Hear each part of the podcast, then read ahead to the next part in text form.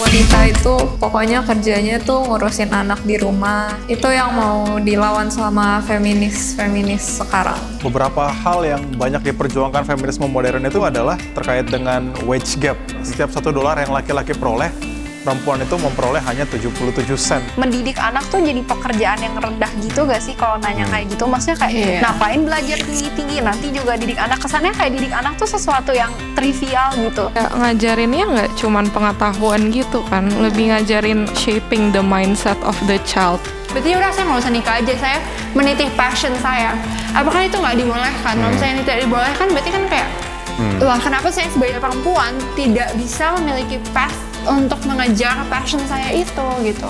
Jangan pikirkan nanti studi itu hanya karena ujungnya kita dapat apa? Ujung-ujungnya duit. Tapi studi karena kita mencintai dunia milik Tuhan.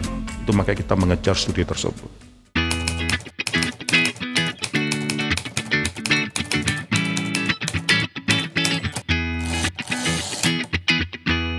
Halo teman-teman, bertemu lagi dengan kami di acara YOLO at GRI Karawaci. Bersama dengan kami di sini akan membahas tema-tema penting terkait dengan pergumulan pemuda dan remaja dilihat dalam konteks Alkitab. Ini juga tentu akan jadi pergumulan-pergumulan yang relevan. Dan kita akan bahas bersama dengan di sini ada Abel, Hai Abel. Halo. Dan juga ada Tania, Hai Tania. Hai Dan kemudian ada Kelly, Hai Kelly. Hai Lalu ada Andra, Hai Andra. Halo. Sekarang kita juga ditemani dengan Pendeta Davitong selaku Gembala dari Gary Karawaci dan juga Rektor dari Calvin Institutes of Technology. Halo Pak David. Halo semua. Ya. Sekarang kita akan membahas terkait dengan feminisme. Nah ini satu isu yang sangat populer bukan hanya di daerah barat sebenarnya, tapi di Indonesia juga. Nah sekarang saya mau tanya dulu nih, kalau kita bicara soal feminisme biasanya yang kepikiran apa sih? Equal rights antara cewek dan cowok. Emang selama ini kelihatannya belum equal ya? Sekarang mungkin udah better ya, tapi zaman dulu belum. Perempuan yang mendapatkan kesempatan lebih gitu mungkin ya. Iya maksudnya kalau dilihat dari sejarah perempuan-perempuan zaman dulu tuh mereka nggak ada hak untuk memilih misalnya siapa pemimpin negara mereka atau kalau misalnya ada pasangan suami istri yang cerai biasanya istri itu nggak punya hak untuk mengurusi anaknya sendiri gitu-gitu dan sekarang berkat feminisme itu akhirnya perempuan bisa mendapatkan hak yang lebih baik lagi gitu. Tapi kalau sekarang mungkin lebih kayak awareness ada sexual harassment. Mungkin gender roles kali ya. Iya. Itu maksudnya gimana tuh? Kayak misalnya wanita itu pokoknya kerjanya tuh ngurusin anak di rumah gitu. Itu yang mau dilawan sama feminis-feminis sekarang. Cuman gini, sebelum kita lanjut kali ya, mungkin harus ditekenin pandangan yang lebih spesifik dulu sebenarnya feminisme itu apa kali ya. Karena um, ada orang-orang tuh yang menganggap feminisme itu misandri. Misandri itu adalah kata lain buat kebencian terhadap laki-laki. Jadi ada orang-orang tuh yang saking bencinya terhadap laki-laki tuh selalu mikir laki-laki itu sebagai suatu spesimen makhluk manusia yang negatif gitu. Dan feminisme juga, oh, maaf, maaf kok. itu, itu maksudnya ya, bukan aku. Terus ada juga hyperfeminisme yang menganggap tuh kalau pengalaman, pendapat atau opini dari laki-laki itu nggak valid karena selama ini tuh laki-laki selalu jadi yang paling utama di masyarakat gitu. Jadi feminisme yang pasti bukan membahas dua itu sih. Bukan misandri dan bukan hyperfeminism. Iya, Oh, berarti orang feminis ini bukan benci laki-laki sebenarnya kan? iya. Sebenarnya inti dari feminisme sendiri tuh memperjuangkan hak-hak wanita sih. Cuman sekarang makin lama tuh makin berubah kalau misalnya dulu karena feminisme itu kan dibagi jadi empat gelombang. Kalau gelombang pertama itu memperjuangkan hak memilih. Terus kalau di gelombang yang kedua itu lebih memperjuangkan hak wanita di mata hukum. Nah, kalau sekarang itu gelombang keempat lebih memperjuangkan soal kekerasan terhadap wanita, terus perbedaan antar individu gitu-gitunya. Jadi sama mungkin konsepnya, tapi yang dimaksud dengan hak-hak wanita itu udah semakin lama semakin berubah juga gitu. Oh, saya ingat tuh soalnya dulu kalau buka-buka Twitter sering banget baca apa pengakuan dari perempuan ya soal telah dianiaya secara seksual, dilecehkan secara seksual yang kayak gitu. Oh, itu karena gerakan feminisme juga ternyata ya? Iya, apalagi yang gelombang keempat ini kan ditandai dengan sosial media kan. Jadi kan berita-berita kayak gitu makin gampang kesebar gitu. Pak David, gimana nih Pak tentang feminisme ini Pak? Saya eh, masih agak sulit untuk melihat bagaimana letak feminisme ini di dalam prinsip Alkitab juga ya Pak. Kalau kita bilang ya mengenai feminisme yang makin lama makin ekstrim sebenarnya sampai akhirnya tadi menjadi misandry atau sebenarnya perlawanan terhadap ordo atau laki-laki dan seterusnya itu kita memang melawan hal tersebut ya. Biblical konsep juga mengenai memperjuangkan nilai daripada wanita yang banyak dibicarakan di Alkitab, tapi bukan berarti akhirnya ketika sudah mengatakan hal itu akhirnya harus menekankan atau mengesampingkan pria kita perlu hati-hati dalam hal ini ya. Hari ini juga kita sangat spesial sekali karena guest semua ini kan perempuan-perempuan semua ya. Jadi memang kita ya, bicara mengenai feminisme lebih banyak cowok yang berbicara. Nanti mungkin kalian-kalian lebih banyak berbicara juga. Cuma saya mengingat satu hal, Alkitab tuh banyak bicara mengenai nilai pada perempuan. Kita buka dalam kitab kejadian, kalau kita terima authorship daripada Musa, maka kitab kejadian ditulis kira-kira mungkin 3.500 tahun yang lalu. Saudara bisa bayangkan 3.500 tahun yang lalu tersebut, kejadian pasal 1 ayat 26, Berfirmanlah Allah, baiklah kita menjadikan manusia menurut gambar dan rupa kita, supaya mereka berkuasa atas ikan-ikan di laut dan burung-burung di udara dan seterusnya. Nah di sini kejadian pasal 1 ayat 26 mengatakan bahwa kita Allah Tritunggal di sana akan menjadikan manusia menurut gambar dan rupa kita, Siapakah manusia itu? Ayat ke-27 mengatakan bahwa maka Allah menciptakan manusia itu menurut gambarnya, menurut gambar Allah, diciptakannya dia laki-laki dan perempuan. Diciptakannya lah mereka. Maka kita melihat dari sejak semula kita sudah mengatakan bahwa laki-laki dan perempuan itu equal, sama dalam arti bahwa mereka sama-sama diciptakan dalam gambar dan rupa Tuhan. Ya, orang Yunani ya ada juga yang mengatakan orang Yahudi juga ada yang mengatakan serupa. Itu sering kali mengatakan berapa kalimat bersyukur kepada Tuhan bahwa mereka adalah orang yang diciptakan bebas sebagai orang Yahudi atau Yunani. Ya saya pernah dengar dua versi ini. Bebas artinya bukan budak orang Yunani bukan bangsa yang lainnya dan ketiga mereka bersyukur karena mereka adalah laki-laki bukan perempuan di dalam pandangan daripada Yunani eh, itu banyak sekali Greco-Roman itu pandangan yang sangat rendah terhadap wanita. Ya saya tidak bicara mengenai hal itu, tapi Alkitab banyak bicara mengenai nilainya perempuan. Kita juga mengingat sekali lagi ya, ketika Yesus sudah bangkit dari antara orang mati itu kan yang menjadi saksi mata pertama justru perempuan. Kita kan society di mana kesaksian laki-laki lebih dipercaya daripada kesaksian seorang wanita. Kenapa Yesus bangkit lalu menyatakan diri atau dilihat pertama kali oleh perempuan dan perempuan menjadi saksi kebangkitannya. Nah ini menjadi satu hal yang sangat menarik sekali yang kita bisa pelajari lebih lanjut lagi. Coba kita buka kisah Rasul. Ketika roh kudus turun, pasal 2 ke-17, akan terjadi pada hari-hari terakhir, demikianlah firman Allah bahwa aku akan mencurahkan rohku ke atas semua manusia, maka anak-anakmu laki-laki dan perempuan akan bernubuat dan teruna-terunamu pun akan mendapatkan penglihatan dan orang-orangmu yang tua akan mendapatkan mimpi. Juga ke atas hamba-hambaku laki-laki dan perempuan akan kucurahkan rohku pada hari itu dan mereka akan bernubuat dan seterusnya.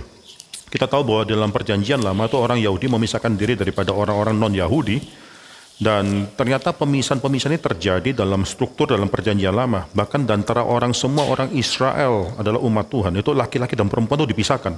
Hanya laki-laki yang kemudian itu disunatkan tidak ada perempuan yang harus disunatkan yang menunjukkan bahwa sunat itu adalah tanda umat Tuhan itu ada di laki-laki. Di sini juga Roh Kudus kalau dalam perjanjian lama itu turun untuk mungkin mengurapi seseorang untuk tugas tertentu itu biasanya turun kepada laki-laki. Tapi dalam perjanjian baru ini dikatakan Roh Kudus itu turun kepada laki-laki dan perempuan. Semua mendapatkan bahkan 120 orang yang menantikan Roh Kudus di atap di ruang atas tersebut itu laki-laki dan perempuan mendapatkan curahan daripada Roh Kudus. Ini suatu hal yang sangat menarik sekali. Kita perlu percaya satu hal, Alkitab itu memperjuangkan, bukan orang dunia memperjuangkan nilai daripada martabat daripada perempuan. Alkitab sejak halaman yang pertama sudah mengatakan ada nilai daripada seorang perempuan. Saya percaya Alkitab yang paling berbicara dengan jelas mengenai nilai daripada seorang wanita ini. Laki-laki dan perempuan itu setara, sama-sama manusia, Pak. Tapi lalu kenapa harus dibuat ada perbedaan fungsi ya kalau gitu ya? Hmm. Kenapa harus berbeda peran antara laki-laki dan perempuan? Aku mau nanya juga sekalian bareng hmm. Kode ini. Alkitab tuh udah bilang laki-laki dan perempuan itu setara gitu. Kalau gitu, ordo itu apa sih Pak? Maksudnya yeah. perbedaan antara kesetaraan sama ordo itu itu bedanya apa gitu? Ada lagi mau titip pertanyaan? Langsung ditampung semua. Oke, saya jawab pertanyaan daripada Denny terlebih dahulu. Saya rasa masih ingat ya berapa episode yang sebelumnya kita bicara mengenai fakta bahwa laki-laki diciptakan sendiri, Adam diciptakan sendirian. Lalu Tuhan mengatakan tidak baik kalau Adam itu seorang diri, aku akan menjadikan penolong baginya yang sepadan dengan dia ya. Lalu Tuhan menjadikan seorang yang akan menolong Adam, tapi yang berbeda dengan Adam. Nah ini untuk mengatakan suatu kalimat, saya katakan bahwa kata penolong di sana mengatakan bahwa Adam itu memang tidak cukup pada dirinya sendiri, dia harus ada orang yang berbeda yang membantu dia, orang lain yang membantu dia. Tapi ketika akhirnya bukan saja mengatakan bahwa dia adalah orang yang memerlukan orang yang lain, dia nggak self-sufficient, cukup pada dirinya sendiri, tapi Tuhan memberikan orang yang completely different dengan Adam. Dan ini sangat menarik sekali, completely different dengan Adam. Saya percaya, ya laki-laki dan perempuan memang diciptakan dengan role yang berbeda sehingga mereka bisa melengkapi satu dan yang lainnya. Laki-laki pada dirinya sendiri itu tidak cukup, perempuan pada dirinya sendiri juga tidak cukup. Laki-laki dan perempuan itu saling melengkapi. Itu ada karakter yang mungkin sangat berbeda sekali antara laki-laki dan perempuan yang akhirnya di mana anak kita kalau kita dikaruniakan anak setelah kita menikah itu bisa melihat papanya atau daripada ibunya itu mereka bisa melihat perbedaan dan itu memperkaya hidup daripada si anak-anak kita. Saya percaya ini suatu rules yang saling melengkapi ya. Tania juga bertanya mengenai ordo. Ini menarik sekali. Equality itu bukan berarti tidak ada ordo. Laki-laki dan perempuan diciptakan setara, sama di hadapan Tuhan sebagai seseorang yang diciptakan dalam gambar dan rupa Tuhan. Tapi bukan berarti tidak ada ordo. Dan ini kita bisa belajar dari mana? Dari Allah tunggal. Allah tunggal itu kan Allah Bapa, Allah Anak, Allah Roh Kudus. Itu kan kita tidak mengatakan Allah Bapa lebih tinggi daripada Allah Anak, Allah Anak lebih tinggi daripada Allah Roh Kudus, yaitu mereka semua sehakikat. Allah tunggal itu tiga pribadi, satu substansinya, satu hakikatnya. Tapi di dalam penebusan kita bisa melihat bahwa Allah anak itu dikirim oleh Allah Bapa, diutus oleh Allah Bapa. Bahkan Allah anak mengatakan saya datang itu bukan untuk melakukan apa yang aku ingin, tapi melakukan kehendak daripada Bapakku di surga. That's it. Ya, lalu kita bisa melihat bagaimana Allah Bapa dan Allah Anak itu mengirim, mengutus Roh Kudus dan kalau kita lihat dalam Kisah Rasul pasal 2 sekali lagi itu Petrus menjelaskan ini Roh Kudus adalah yang dicurahkan oleh Kristus yang sudah naik. Jadi ada ordo di dalam keselamatan atau dalam economy of redemption ini. Di sini equality bukan berarti tidak ada ordo. Dunia modern saat ini mengconfuse atau membingungkan kedua hal ini. Kalau equal berarti tidak boleh ada ordo. Bahkan kalau di dalam suatu keluarga, rumah tangga, tidak perlu ada kepala keluarga atau kalau ada kepala keluarga, dua kepala keluarga, suami dan istri, dua-duanya kepala keluarga. Tapi Alkitab mengatakan tidak, ada ordo. Ya, relasi istri suami, suami istri dan juga Kristus jemaat itu ada ordonya di sana. Jadi ordo itu ngomonginnya otoritas bukan value kan? Iya, so bisa bayangkan enggak kalau di gereja enggak ada ordo. Gereja semua di mata Tuhan itu sebenarnya sama kan itu adalah umat Tuhan yang berdosa yang ditebus oleh Tuhan. Kalau di society juga ada semua warga negara juga sama antara Presiden Jokowi dengan kita itu adalah warga negara Indonesia. Ada hak dan kewajiban yang sama yang dilindungi oleh pemerintah, tapi juga ada ordo ya. Kita harus mengakui ada ordo juga di dalam masyarakat. Itu juga ada. Di dalam gereja, dalam rumah tangga pun juga demikian. Pak, aku mau nanya. Kalau ordo itu tuh jadinya cuma berlaku di rumah tangga atau gereja atau di dalam keseharian pun gitu selalu laki-laki tuh ordonya memang lebih tinggi daripada perempuan. Contohnya kayak di karir gitu. Hmm. Ini hidup bermasyarakat ya, soalnya jadi jadi repot juga mungkin ya kalau sampai dalam hidup bermasyarakat mesti ada gambaran ordo yang laki-laki hmm. lebih jadi kepalanya perempuan gitu. Aku pernah ngobrol sama papaku sih, terus papaku tuh bilangnya kalau ordo itu tuh ada dalam institusi atau dalam perjanjian yang kita buat dalam Tuhan gitu misalnya kayak pernikahan itu kan hmm. perjanjian antara suami istri di hadapan Tuhan atau gereja itu kan merupakan salah satu bentuk juga hmm. antara hubungan kita dengan Tuhan cuman aku penasaran aja gitu maksudnya ordo itu sebenarnya ada gak sih di kehidupan sehari-hari gitu kalau di dalam keseharian itu udah hitungannya bukan ordo, cuma lebih kayak laki-laki ingin menunjukkan bahwa misalkan dalam karir gitu atau misalkan dalam boss atau CEO bahwa perempuan tuh mungkin kurang bisa melakukannya karena they're not competent enough gitu. Dan mungkin menurut saya itu adalah gerakan feminisme juga yang ingin menghilangkan hal tersebut gitu. Tapi untuk masalah di keseharian uh, sebenarnya seharusnya tuh berarti ordo tidak relevan ya dalam keseharian karena itu kita tidak sedang membentuk keluarga atau kita tidak sedang membentuk sesuatu yang mengikat secara darah atau mengikat secara batin gitu. Iya, soalnya misalnya soal berkarir misalnya. Kalau berkarir itu pakai sistem ordo gitu ya, laki-laki di atasnya kepala perempuan. Berarti otomatis laki-laki semua posisi di atas, lalu perempuan yang posisinya di bawah semua. Bukankah kalau berkarir harusnya berdasarkan kemampuan, ability based gitu kan, bukan berdasarkan gendernya dia siapa gitu. Iya, harusnya gitu. emang. Iya. Dan lagi pula, kalaupun ngelihat sekarang juga banyak gak sih pemimpin-pemimpin yang perempuan gitu, kayak presiden atau mungkin kayak guru-guru. Sebenarnya kan guru-guru itu juga adalah contoh untuk anak-anak kan, dan Iya. justru kita lihat sekarang malah banyak guru-guru yang cewek. Iya, dulu di Indonesia juga presiden Ibu Megawati, sekarang di Amerika wakil presiden Ibu Kamala Harris.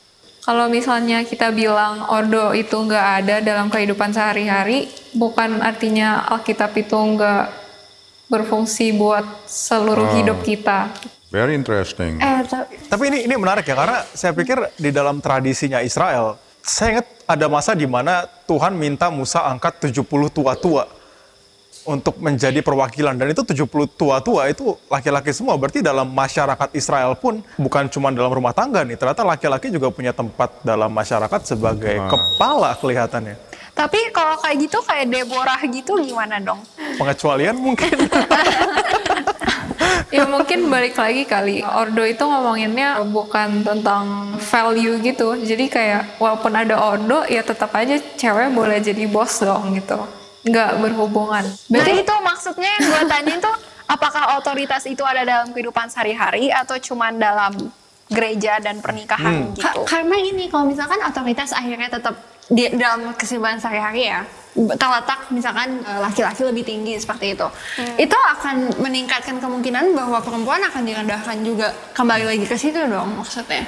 Kalau profesi gitu menurut aku nggak bisa dilihat sesuai gender dong, harus dilihat sesuai kemampuannya. Dia emang bisa melakukan role itu lebih baik dari semua orang lain yang mencalonkan diri. Ya dia yang berhak mendapatkan role itu.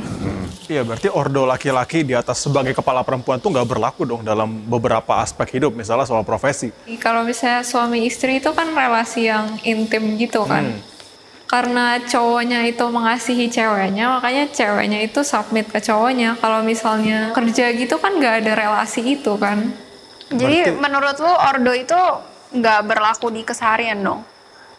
Nggak tahu juga. Kita udah makin lama makin melebar.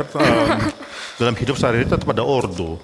Orang yang tidak suka ordo yang ditetapkan oleh Alkitab mengenai keluarga dan seterusnya, akhirnya tetap mengharapkan ordo di dalam masyarakat, ada pemimpin. Kalau kita tidak ada ordo, ada pemimpin di atas kita, dan seterusnya, itu kan anarki ya. Itu kan satu hal di mana ya semua orang menjadi pemimpin atau menjadi raja atas dirinya sendiri. Itu adalah statement yang dikeluarkan di dalam kitab Hakim-Hakim mengenai kondisi daripada orang Israel pada satu yang merasa diri ya gak ada raja, mereka menjadi raja atas dirinya sendiri. Itu tidak baik sekali. Nah, saya menjadi pertanyaan adalah saya suka apa yang dikatakan Tania tadi ya. Itu dari Papa Tania yang mengatakan bahwa kita harus membedakan ya antara kerajaan Tuhan dan kerajaan dalam dunia, antara society atau keluarga Tuhan dan keluarga orang non Kristen misalnya. Ya keluarga Tuhan tadi Tania mengatakan yaitu berkenaan dengan apa yang sudah disatukan oleh Kristus, apa yang berkenaan dengan Kristus. Nah itu kita bicara mengenai keluarga Kristen, mengenai gereja dan seterusnya. Bagi saya gereja adalah kumpulan keluarga maka kalau kita mengharapkan ada kepala keluarga, laki-laki yang menjadi kepala keluarga di dalam rumah tangga, di dalam keluarga masing-masing, itu gereja juga harus merefleksikan hal ini.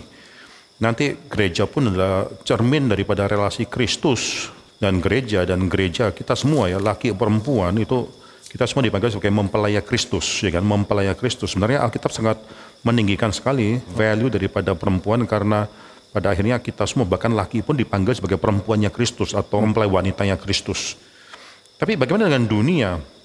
Nah kita tidak bisa menerapkan konsep mengenai perjanjian lama. Perjanjian lama itu masih teokrasi. Kerajaan Allah itu bisa dikatakan direfleksikan dalam bangsa Israel itu sendiri. Itu teokrasi. Tapi kita tidak menerima hal itu sejak Kristus datang dan menggenapkan rencana keselamatan daripada Tuhan dan menginaugurasikan kerajaan Tuhan, kerajaan Allah dalam dunia ini. Maka kita tidak perlu mengatakan bahwa kita masih harus memiliki sistem pemerintahan teokrasi. Sehingga pemimpin dunia kalau misalnya perempuan, yaitu pemimpin dunia, tapi bukan pemimpin dalam gereja. Gereja itu berbeda dengan dunia. di perusahaan kita misalnya, kalau misalnya bos kita, manajer kita perempuan, ya enggak apa-apa, itu memang suatu hal yang diharapkan sesuai dengan kemampuan daripada orang yang memimpin, pengalaman kerja dan seterusnya. Tapi dalam keluarga Kristen, mungkin dalam keluarga Kristen lalu perempuan yang menjadi kepala keluarga atau yang menentukan atau lebih dominan dan seterusnya. Sangat mungkin sekali karena kita adalah orang yang masih berdosa. Banyak sekali keluarga Kristen yang tidak berfungsi sebagaimana mestinya. Ya, ada laki-laki yang mungkin tidak mengambil kewajiban atau tanggung jawab yang seharusnya. Tapi akhirnya oleh karena itu mau tidak mau ibunya atau istrinya itu yang mengambil fungsi yang lebih dominan. Bukan karena dia mau dominan, tapi apa boleh buat. Tadi bicara mengenai Deborah. Deborah juga dalam konteks macam demikian, di mana pada saat itu ya laki-laki atau itu tidak mengambil peran yang seharusnya sehingga Tuhan menggunakan Deborah untuk memimpin bangsa Israel pada saat itu. Ini suatu exception lah, itu tidak seharusnya terjadi. Bukan berarti bahwa kalau demikian kita harapkan semua keluarga ya terserah. Jadi anggapannya kalau nggak ada cowok pakai cadangan cewek dong. Bukan cadangan, tapi itu sudah suatu pukulan ya. Kalau dalam suatu keluarga ini saya katakan berkali-kali di dalam Geri Karawaci juga, saya katakan bahwa laki-laki suami itu harus mengambil fungsi yang penting. Karena tanggung jawab akan dibebankan pada kamu. Banyak sekali laki-laki yang merasakan bahwa tanggung jawab mereka adalah hanya mencari uang tanpa pernah mengurus anak-anaknya, tanpa pernah memperhatikan keluarganya. Akhirnya membiarkan atau menyerahkan semuanya itu seakan urusan keluarga yang kurang penting tersebut kepada istrinya. Padahal anak-anak pendidikan adalah sesuatu yang sangat penting sekali. Kenapa harus dilepaskan tanggung jawab tersebut? Nah ini bukan cadangan, tapi kalau sampai ada Tuhan membangkitkan perempuan, itu adalah suatu pukulan bagi laki-laki. Di gereja saya mau tanya, mana yang lebih banyak melayani, laki-laki atau perempuan? Perempuan. Perempuan. Itu pukulan, itu satu sindiran, suatu ganjaran daripada Tuhan.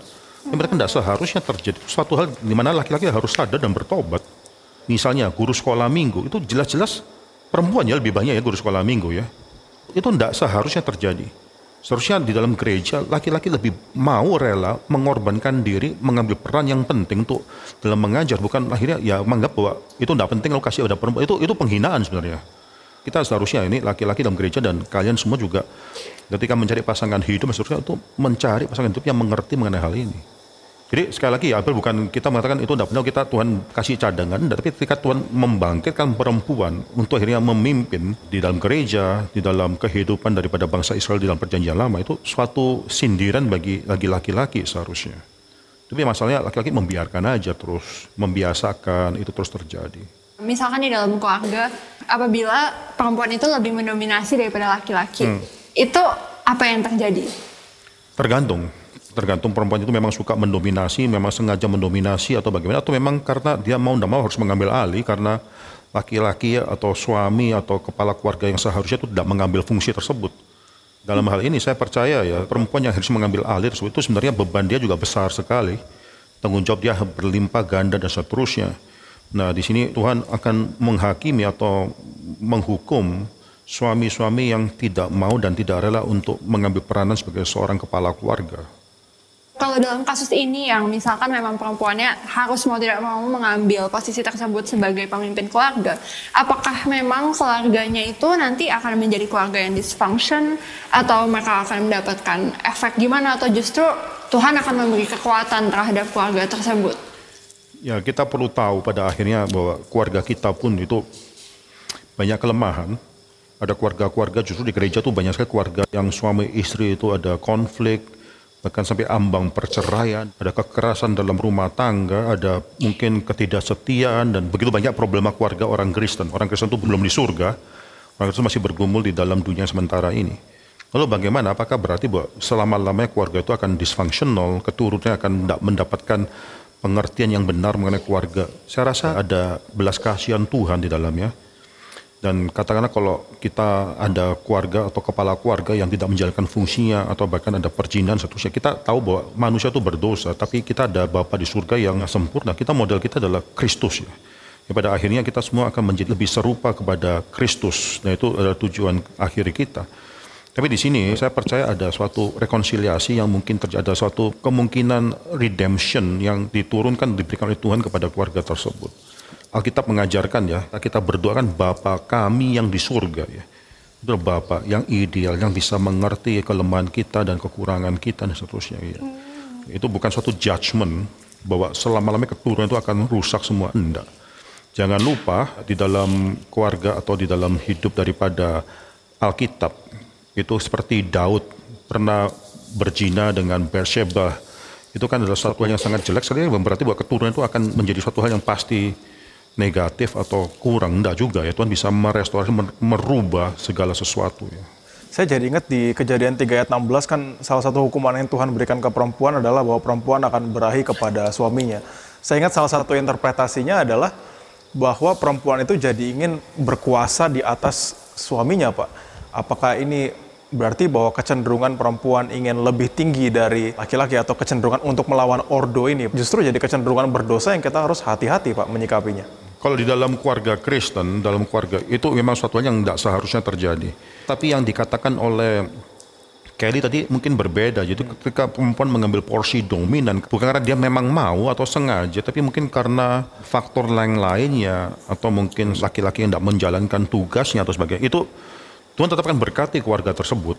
Tuhan akan berkati keluarga tersebut karena ini suatu anomali yang terjadi, tidak seharusnya terjadi. Bukan cuma keluarga yang demikian, banyak sekali keluarga yang quote and lebih normal. Itu sebenarnya juga demikian, di mana laki-laki bekerja lalu menyerahkan semua kepada istri, sana kan itu tidak terlalu penting. Yang penting adalah cari uang. Itu bagi saya itu juga juga suatu hal yang bersalah di hadapan Tuhan itu. Ya di mana akhirnya dalam mengajar anak tiba-tiba perempuan yang paling harus dominan lebih daripada laki-lakinya itu saya rasa Alkitab tidak mengendaki demikian. Alkitab juga mau bahwa suami itu memperhatikan juga anak-anak yang keluarganya. Aku penasaran Pak, kalau misalnya nih ada kasus suami istri dan sifat mereka tuh suaminya tuh biasa dia emang tipe orang yang lebih penurut gitu, sementara istrinya tuh orang yang kolerik gitu, yang suka mimpin itu gimana dong Pak? Hmm. Uh, Dua-duanya harus belajar. uh, dalam hal ini ya, waktu dari semula, waktu sebelum menikah seharusnya lebih memperhatikan mengenai masalah ini, perbedaan karakter dan seterusnya.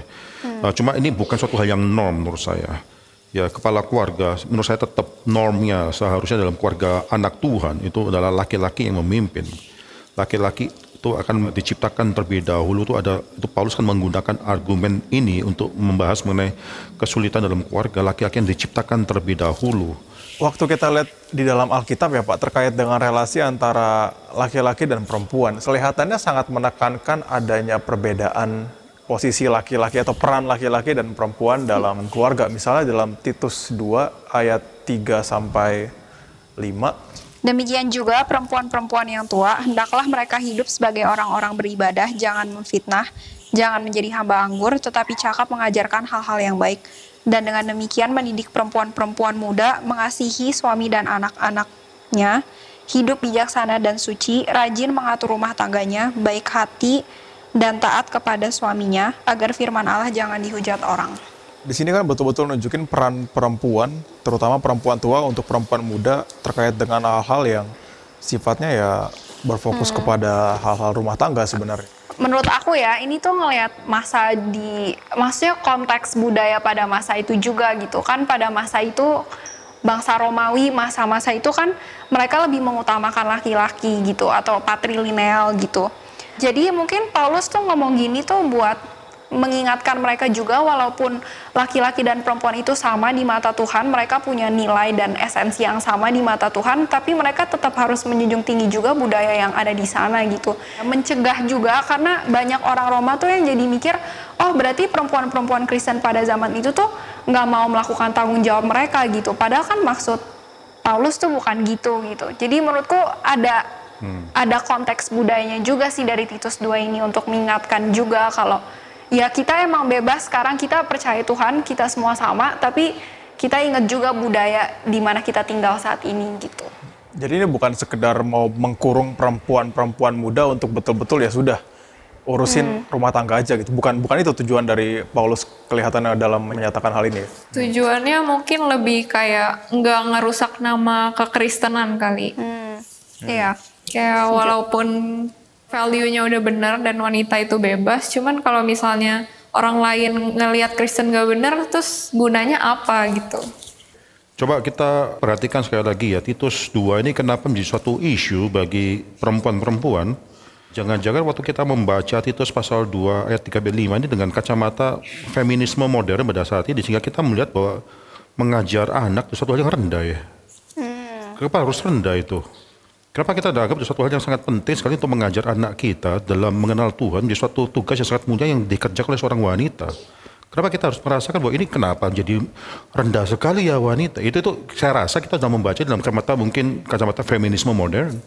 Yang dikatakan oleh Tanya itu sudah tepat ya, sudah sudah baik sekali ya. Memang ada suatu hal di mana penekanannya pada saat itu adalah mengcounter pandangan orang-orang yang pada saat itu mengatakan bahwa orang Kristen adalah keluarga-keluarga yang tidak melakukan tanggung jawabnya, tidak bertanggung jawab ketika akhirnya laki-laki dan perempuan merasa diri sama, lalu tidak ada yang mengurus keluarga dan seterusnya hingga Paulus mengatakan kalimat ini. Saya rasa itu penting.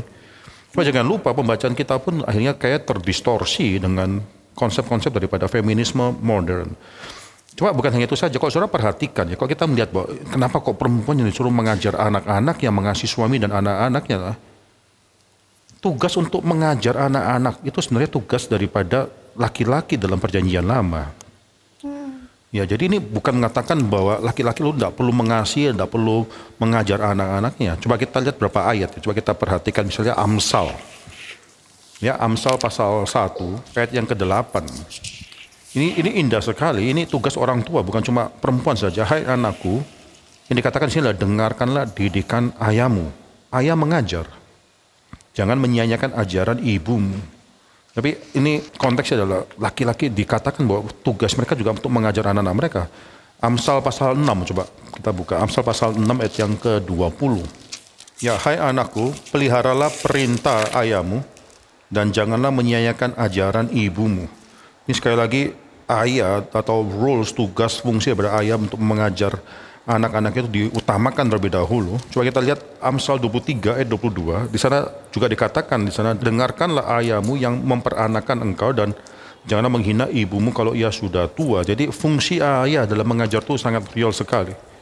Di dalam Titus itu kan sana kan mendidik anak itu sana kan kok cuma fungsi daripada perempuan. Tidak demikian. Coba kita buka satu Timotius pasal yang ketiga. Eh, yang kedua saya baca ya, karena itu penatu atau penilik jemaat haruslah seorang yang tak bercacat, suami dari satu istri. Nah, ini ini menarik sekali. Pada zaman itu orang mungkin poligamus, ada orang-orang yang menikah lebih daripada satu istri. Tapi ini menunjukkan gereja meninggikan kembali nilai daripada wanita. Yang menjadi penilik jemaat cuma bisa suami daripada satu istri saja. Yang lebih daripada satu istri tidak boleh jadi penilik jemaat. Dapat menahan diri, bijaksana, sopan, suka memberi tumpangan, cakap mengajar orang, bukan peminum, bukan pemarah, melainkan peramah, pendamai, bukan hamba uang. Seorang kepala keluarga yang baik, disegani dan dihormati oleh anak-anaknya. Jikalau seorang tidak dapat mengepalai keluarganya sendiri, bagaimanakah ia dapat mengurus jemaat Allah? Jadi itu jemaat Allah, gereja, jemaat Allah itu adalah refleksi daripada keluarga. Tapi perhatikan ayat keempat, dalam bahasa Inggrisnya seorang kepala keluarga yang baik, one who manage his household well, yang mengatur keluarga dengan baik. Termasuk yaitu anak-anaknya, semua itu diatur oleh kepala keluarga yang baik.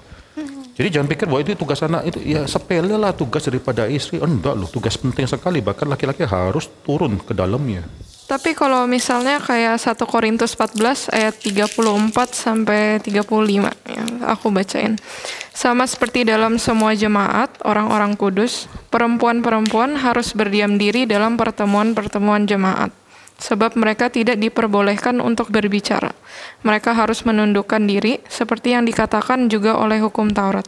Jika mereka ingin mengetahui sesuatu, baiklah mereka menanyakannya kepada suaminya di rumah sebab tidak sopan bagi perempuan untuk berbicara dalam pertemuan jemaat. Kalau misalnya kita ngelihat dari ayat ini seakan-akan kayak Paulus tuh ngomong kalau cewek tuh nggak boleh ngomong sama sekali gitu kan. Hmm. Tapi kalau kita ngelihat dari 1 Korintus 11 ayat 5, aku bacain ya. Tetapi tiap-tiap perempuan yang berdoa atau bernubuat dengan kepala yang tidak bertudung menghina kepalanya, sebab ia sama dengan perempuan yang dicukur rambutnya di sini tuh kayak terimplikasi kalau cewek itu sebenarnya boleh ngomong bahkan bernubuat. Jadi yang sebenarnya Paulus mau ngomong itu cewek itu jangan ngasal ngomong-ngomong soal firman Tuhan kalau misalnya dia tuh nggak tahu benar atau enggak.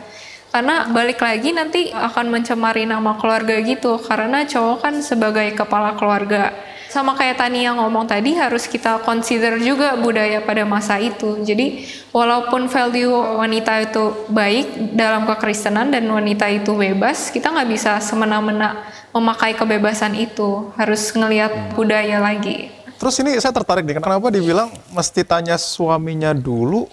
Emang maksudnya apa berarti suami otomatis lebih tahu? Ini bukannya seksis nih, Jos. Ah perempuan nggak tahu apa-apa, suami yang lebih Ini, tahu. ini Maksudnya, bacanya kok udah pakai kacamata feminis terus ya, seksis lah, kalau mengurus keluarga itu kurang berarti lah. Waduh, kita baca Alkitab dengan kacamata demikian ini susah ya. Perlu ada suatu kepercayaan juga, dia adalah firman Tuhan. Firman Tuhan bukan bermaksud untuk mengecilkan peran wanita. Saya percaya sekali lagi Alkitab itu sangat meninggikan sekali peran wanita. Tapi yang tadi Abel katakan itu sudah tepat ya. Dalam arti demikian, ini bukan berarti bahwa sama sekali perempuan itu has no say di dalam kehidupan gereja. Faktanya dalam 1 Korintus pasal 11, Paulus bahkan mengatakan boleh berdoa itu berkata-kata dan bernubuat. Bernubuat bukan harus menubuatkan sesuatu yang belum terjadi, bukan ya, bukan maksudnya bernubuat itu dalam konteks daripada teologi daripada perjanjian baru, Paulus khususnya itu sama seperti memberitakan mengenai firman Tuhan, mengartikan mengenai firman Tuhan. Nah, ini eh, kita harus lihat yang dipermasalahkan oleh Paulus dalam 1 Korintus pasal 11 justru bukan masalah perempuan bernubuat, tapi bernubuat dengan cara yang salah, dengan cara mungkin pakai tidak pakai tudungan kepala. Ini juga kontekstual juga. Budaya Greco-Roman itu orang yang tidak ada tudungan kepala itu sama seperti orang yang perempuan yang mencukur rambut, yaitu sama seperti orang yang mungkin tidak baik lah dalam status dalam masyarakat ya seorang pelacur atau dan lain sebagainya yang asusila. Kita kembali ke 1 Korintus pasal 14. Ini pertanyaan Denny juga menarik ya. Ini jangan dianggap sebagai seksis, bukan. Tapi faktanya adalah ada orang-orang perempuan-perempuan tertentu dalam jemaat di pada saat itu dalam Korintus yang suka berbicara. Padahal Paulus katakan mereka kalau mau belajar, bukan waktunya mereka mengajar. Bahkan mereka kalau mau mereka banyak pertanyaan yang harusnya dijawab oleh kepala keluarganya sendiri, oleh suaminya sendiri di rumah. Bukan mereka mengajar orang atau suka berbicara di dalam gereja itu itu saudara kita harus melihat hal ini ya. Harus melihat hal ini. Ini ini satu hal yang sangat penting sekali. Konteks budaya tentu sangat penting sekali untuk bicarakan dalam hal ini. Ya, tapi yang di sini Paulus sedang menyindir perempuan-perempuan yang merasa sekarang sudah bebas jadi orang Kristen lalu boleh melakukan apa saja, tapi Paulus katakan, "Eh, kamu sebenarnya masih perlu belajar dan pulanglah ke rumah dan belajar daripada suamimu yang lebih ngerti daripada kamu sebenarnya. Tapi suamimu bahkan tidak bicara, kamu yang berbicara di dalam gereja. Nah ini kita harus melihat mengenai hal ini ya. Jadi bukan berarti jangan sekali lagi ya kita jangan memandang ayat ini baca lalu selalu harus dengan kacamata feminisme modern. Jangan loh hati-hati ya. Ya kita harus melihat konteks atau apa yang Paulus katakan seterusnya. Saya tertarik untuk lihat beberapa hal yang banyak diperjuangkan feminisme modern itu biasanya dengan dasar fakta, Pak. Nah, salah satu statistik yang biasa disebut itu adalah terkait dengan wage gap. Setiap satu dolar yang laki-laki peroleh, perempuan itu memperoleh hanya 77 sen, Pak. Jadi ini kelihatannya ada distinct difference ya, Pak, antara gaji yang diperoleh laki-laki dan perempuan. Ini memang belum adil kah atau gender wage gap ini ya itu satu hal yang Tidak tahu saudara, kalian pernah dengarkan mengenai hal ini enggak ya? Tesis katakan bahwa untuk suatu tugas yang sama, pekerjaan yang sama, mungkin bobot kesulitan yang sama, itu perempuan itu dibayar kurang daripada laki-laki dan perbandingan adalah 77 banding 100. Jadi ada 23 persen perbedaan.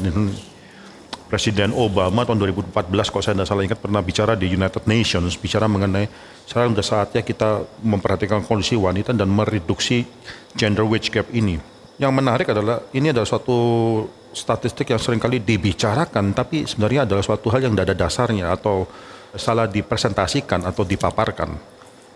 Ya ini mencari dengan mengatakan menjumlah ya semua laki-laki total average salary-nya mereka berapa, semua perempuan total salary average-nya mereka berapa, lalu diambil rasionya tanpa memperhatikan faktor-faktor yang lainnya. Misalnya, biasanya perempuan itu entah mengapa saya merasa ini bukan karena mereka lebih rendah, justru mereka lebih berkorban menurut saya mengambil pekerjaan yang lebih dianggap sepele. Guru misalnya, guru tuh secara out out proportion itu lebih banyak perempuan daripada laki-laki. Social workers digaji lebih rendah dan mengapa perempuan tuh lebih banyak mengambil profesi ini daripada laki-laki? Ya ini kita harus perhatikan. Jadi kalau kita perhatikan ya mengenai profesi, lalu kita perhatikan juga mengenai lembur. Mengapa laki-laki lebih gampang lembur daripada perempuan? Bukan saya bukan merasa karena mereka lebih berotot, enggak. Tapi mungkin ada satu hal di mana ya itu perempuan lebih dekat dengan keluarga ya. Ya itu ada kedekatan tanggung jawab dengan anak dan seterusnya sehingga laki-laki itu biasanya lebih distant dengan anak-anak mereka, mereka lebih memiliki kemungkinan untuk bisa lembur. Nah itu ketika diambil faktor lembur, diambil faktor profesi dan begitu faktor lainnya, Ini Time Magazine di link di bawah juga itu referensi itu bahkan mengatakan ini salah satu myth yang terus dibicarakan oleh orang-orang tanpa dasarnya bahwa perempuan itu digaji jauh lebih rendah daripada laki-laki 77 banding 100 77 persen saja. Time Magazine mengatakan bahwa ini ketika semua faktor sudah di-consider Coba kita baca, saya bacakan di sini ya. When such relevant factors are considered, the wage gap narrows to the point of vanishing. Ketika semua faktor sudah diperhatikan, maka perbedaan daripada gaji atau salary tersebut itu mengecil sampai kepada titik yang menghilang, vanishing. Nah menarik sekali Time yang mengatakan hal ini karena Time adalah suatu magazine yang lebih liberal ya saya, yang lebih left leaning dan ini mengatakan suatu kalimat yang biasanya tidak terlalu suka didengarkan oleh orang-orang liberal. Ya. Lalu hal lain lagi Pak, feminisme ini kan banyak memperjuangkan studi untuk perempuan ya Pak. Tapi kalau orang jadi pikir ya kan perempuan akan menjadi ibu rumah tangga, lalu untuk apa studi tinggi-tinggi itu bukannya jadi masalah ya Mungkin Pak? perlu tanya perempuan-perempuan di sini. Nggak jamin perempuan jadi ibu rumah tangga kan. Iya. Tapi gimana kalau ada yang mau menikah suatu hari punya anak kah atau wanita karir kan ini, ini bisa dibicarakan juga ya. Kalau kata mama aku sih ya, dia merhatiin juga antara dia dan teman-temannya gitu. Walaupun sama-sama ibu rumah tangga, ibu yang cuman lulusan SMA sama ibu yang kayak lulusan S2 itu cara didik anak itu beda. Iya, mama gue juga ngomong gitu. Kalau misalnya ngomongin mendidik anak gitu, juga dia mestinya punya pendidikan yang lebih bagus dong. Kan itu role yang sangat besar gitu untuk masa depan anaknya sendiri. Mungkin maksudnya kan mendidik anak itu nggak sampai anaknya udah S2. Mungkin cuman sampai dia SMA doang sampai 17. Walaupun hanya sampai 17, tapi kan justru fondasi dia itu menjadi hal paling penting untuk kehidupan anaknya untuk ke depannya kan. Karena memang eh, dari seorang anak kan yang paling penting itu fundamentalnya. Karena kalau misalnya fundamental mereka kuat, fundamental mereka berada pada jalur yang benar, sampai dewasa atau S2, S1 atau apa bertemu dengan hal-hal yang salah, dia bakal ingat ajaran ibunya itu, ajaran yang diberikan pas dia masih Iya. di bawah Terus 17 tahun. kayak ngajarinnya nggak cuman pengetahuan gitu kan, lebih ngajarin shaping the mindset of the child. Bener-bener mannersnya, terus Karakter. iya ya apa yakin setelah belajar semakin tinggi bisa memiliki bijaksana itu. Kadang-kadang bijaksana, wisdom, dan pengetahuan itu dua hal yang berbeda yang harus kita bedakan. Ada orang yang semakin lama semakin belajar semakin tinggi, tapi wisdom juga belum pernah bisa mereka dapatkan. Ada orang yang sangat sederhana, ibu yang sangat sederhana mungkin tidak pernah lulus SMP, yang sangat sederhana yang punya wisdom. Saya masih ingat mamanya papa saya itu adalah orang yang tidak terlalu pendidikan tinggi, tapi memiliki wisdom yang sangat dalam sekali dalam mendidik anak. Itu anak-anak satu persatu menjadi seorang anak yang taat di hadapan Tuhan, yang mencintai Tuhan dan seterusnya. Tapi dengan wisdom, bukan dengan pengetahuan dia. Kita harus bisa membedakan hal ini. Tapi ini menarik ya. Wanita dikecilkan dalam aspek semacam demikian. Kalau kamu toh suatu hari kan jadi ibu rumah tangga, ngapain harus belajar susah-susah? Tapi menurutku pandangan orang-orang tuh jadinya kesannya kalau nanya pertanyaan kayak gitu tuh kesannya jadi kayak mendidik anak tuh jadi pekerjaan yang rendah gitu gak sih kalau nanya kayak gitu. Maksudnya kayak Iya. ngapain belajar tinggi-tinggi nanti juga didik anak kesannya kayak didik anak tuh sesuatu yang trivial gitu. Jadi menurutku sebenarnya ya Yang kayak salah. Pak DT bilang tadi mau S2 kayak mau lulusan SD kayak ya sebenarnya itu dari diri orangnya sendiri sih. Cuman maksudnya kalaupun seorang wanita pengen sampai S3 sampai jadi dokter what's wrong with it gitu menurutku lebih ke arah situnya mungkin ya. Mungkin ada satu sedikit jalur untuk ibu-ibu yang mau tetap bekerja bisa banget freelance ya. Karena freelance itu masih uh, bisa banget mengatur anak. Uh, ibunya bisa bekerja. Itu pengalaman pribadi ya. Mama saya freelance dan saat indah pengalamannya. Kelly kayak promosi Iya tapi bidang profesi nggak semuanya bisa Iya. freelance. Iya, Iya, apalagi benar, ya, benar. apalagi yang sifatnya meniti karir ya, betul-betul dari bawah ke atas pelan-pelan, pelan-pelan, pelan-pelan itu kan nggak freelance ya, betul-betul. Ya balik lagi value-nya harus dibenerin. maksudnya? Ya lu value-nya itu keluarga atau uang atau apa itu harus dibenerin maksudnya. Oh, Ya, sebenarnya- prioritasnya. Kalau aku sendiri pribadi ya, menurutku wanita kerja tuh ya nggak apa-apa gitu. Cuman yang jadi bahaya itu adalah kalau wanita itu harus dibedain juga kali ya istilah antara wanita karir sama wanita kerja gitu. Kalau misalnya wanita berkarir yang dari nol terus dia naik terus naik terus terus akhirnya dia kalau di kantor tuh kebiasaan mimpin orang sementara dia balik ke rumah dia ada ordo gitu itu juga jadi bahaya kali gitu. Oke, ini semua diskusi-diskusi yang menarik ya, masukan-masukan yang menarik sekali. Nah, saya setuju harus membedakan antara kerja dan karir. Ya bukan berarti bahwa kita tidak bisa berkarir dalam pekerjaan kita atau bekerja dalam karir kita, tapi kira-kira bilang wanita karir atau pria karir itu bukan cuma menekankan pekerjaan yang mereka lakukan, tapi juga kok bisa terus menaiki jenjang daripada pekerjaan tersebut. Ya, yang karir juga kita mau naik ya karirnya ya. Biasa bicara mengenai jenjang karir tersebut. Dan yang nanti mungkin pekerja biasa sampai akhirnya suatu hari kalau bisa jadi CEO-nya atau jadi manajer lah atau apalah.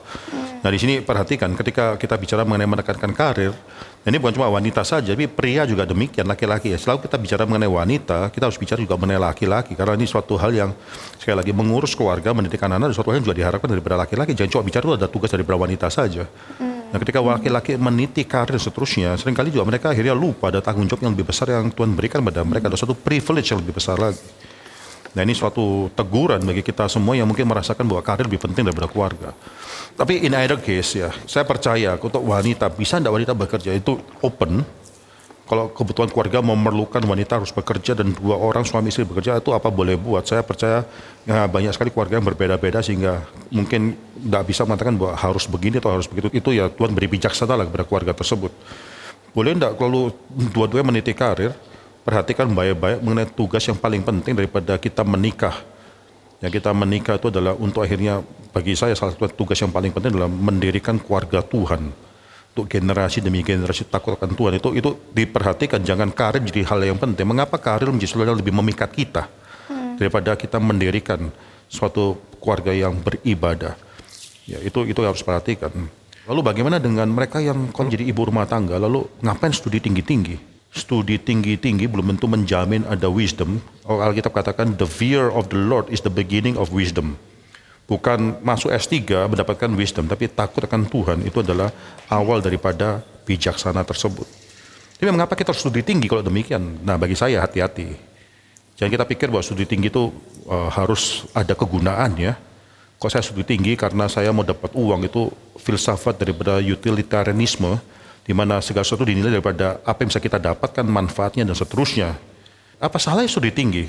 Kalau suatu hari toh kita menjadi ibu rumah tangga, tidak ada salahnya. Mengapa? Karena studi tinggi itu adalah mempelajari dunia milik Tuhan yang pasti menyenangkan hati Tuhan.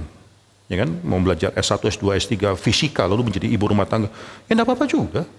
Ya tidak apa-apa, karena emang itu satu hal yang worthy of being studied, yang harus dipelajari. Nah ini saya mau tanamkan ke semua anak-anak, jangan pikirkan nanti studi itu hanya karena efeknya atau ujungnya kita dapat apa, ujung-ujungnya duit, ujung-ujungnya karir atau apa gitu ya. Tapi studi karena kita mencintai dunia milik Tuhan, itu makanya kita mengejar studi tersebut. Kalau misalkan bukan gara-gara kebutuhan finansial, tapi perempuan tersebut tuh memang mau mengejar passionnya. Eh, mungkin di sini kan bisa aja bisa dibilang, oh tetap harus mementingkan keluarga. Berarti perempuannya bisa bilang, oh yaudah kalau gitu saya emang gak mau nikah. Berarti yaudah saya nggak usah nikah aja, saya menitih passion saya. Apakah itu nggak dibolehkan? Kalau misalnya tidak dibolehkan, berarti kan kayak, wah kenapa saya sebagai perempuan tidak bisa memiliki path untuk mengejar passion saya itu gitu. Saya tertarik dengan hal itu seakan-akan itu hanya berlaku untuk perempuan gitu. Padahal menurut saya justru itu kena both ways ya. Iya ya, soalnya kan cowok juga tadi udah dibilang ya ada tanggung jawab terhadap keluarga juga. Iya kan, kalau cowok sibuk mengejar passion dan akhirnya nggak memperhatikan tanggung jawab dalam rumah tangga, itu juga bukannya jadi laki-laki yang tidak bertanggung jawab juga Kalau sama aja. gitu memilih untuk tidak berkeluarga saja, bagaimana? Eh, melanggar ordo dari Tuhan. Bukan ya, ini harus hati-hati ya. Kok karena kita harus dah harus mengkonflikkan antara panggilan dan passion. Bahkan kita bisa tanya sama Tuhan, ya tanya sama diri kita sendiri, apa kaitannya passion kita dengan kerajaan Tuhan? Itu tanggung jawab daripada seorang Kristen. Bukan mengejar passion lalu tidak peduli dengan kerajaan Tuhan, dan kita berbeda dengan orang dunia. Passion kita apa kaitannya dengan kerajaan Tuhan? Shalom apa yang akan kita berikan melalui apa yang kita kerjakan? Waktu kita mencari pekerjaan pun nanti udah lulus dua tempat pekerjaan yang mungkin menawarkan salary yang sama, kita harus mempelajari mungkin visi dan misi dari perusahaan tersebut mana yang lebih baik, mana lebih mementingkan shalom daripada Tuhan bisa dapat kepada masyarakat. Kita harus pikirkan semua hal itu. Apa kaitannya keberadaan saya dengan rencana Tuhan? Lalu yang kedua yang saya rasa tadi Denny sudah katakan ya itu bukan cuma pergumulan daripada perempuan, tapi harusnya menjadi pergumulan daripada seorang laki-laki juga. Ketika laki-laki bicara mengenai passion, oh iya apa kaitannya dengan passionmu dengan kerjaan Tuhan? Apa kaitannya passionmu dengan suatu kemungkinan bahwa Tuhan menginginkan ada keluarga Tuhan dibentuk melalui kehadiran kamu? Apa kaitannya passionmu dengan gereja Tuhan misalnya? Itu, itu harus dipergumulkan semua. Sehingga kita jadi orang yang lepas dari mempertentangkan passion dengan kehendak Tuhan. Mungkin tidak kita punya passion dan Tuhan katakan bisa dilakukan melalui keluarga kita, bisa. Sangat mungkin sekali, tidak harus kalau kita menjadi orang yang passion tuh harus dilakukan melalui wanita karir dan wanita karir harus diartikan sebagai orang yang tidak pernah memiliki keluarga. Itu saya rasa tidak tepat juga ya pandangan seperti demikian. Satu dikotomi mengatakan bahwa ada pertentangan antara meniti satu passion dan juga akhirnya memiliki suatu keluarga yang sama-sama melayani Tuhan dalam passion tersebut. Itu kita harus perhatikan.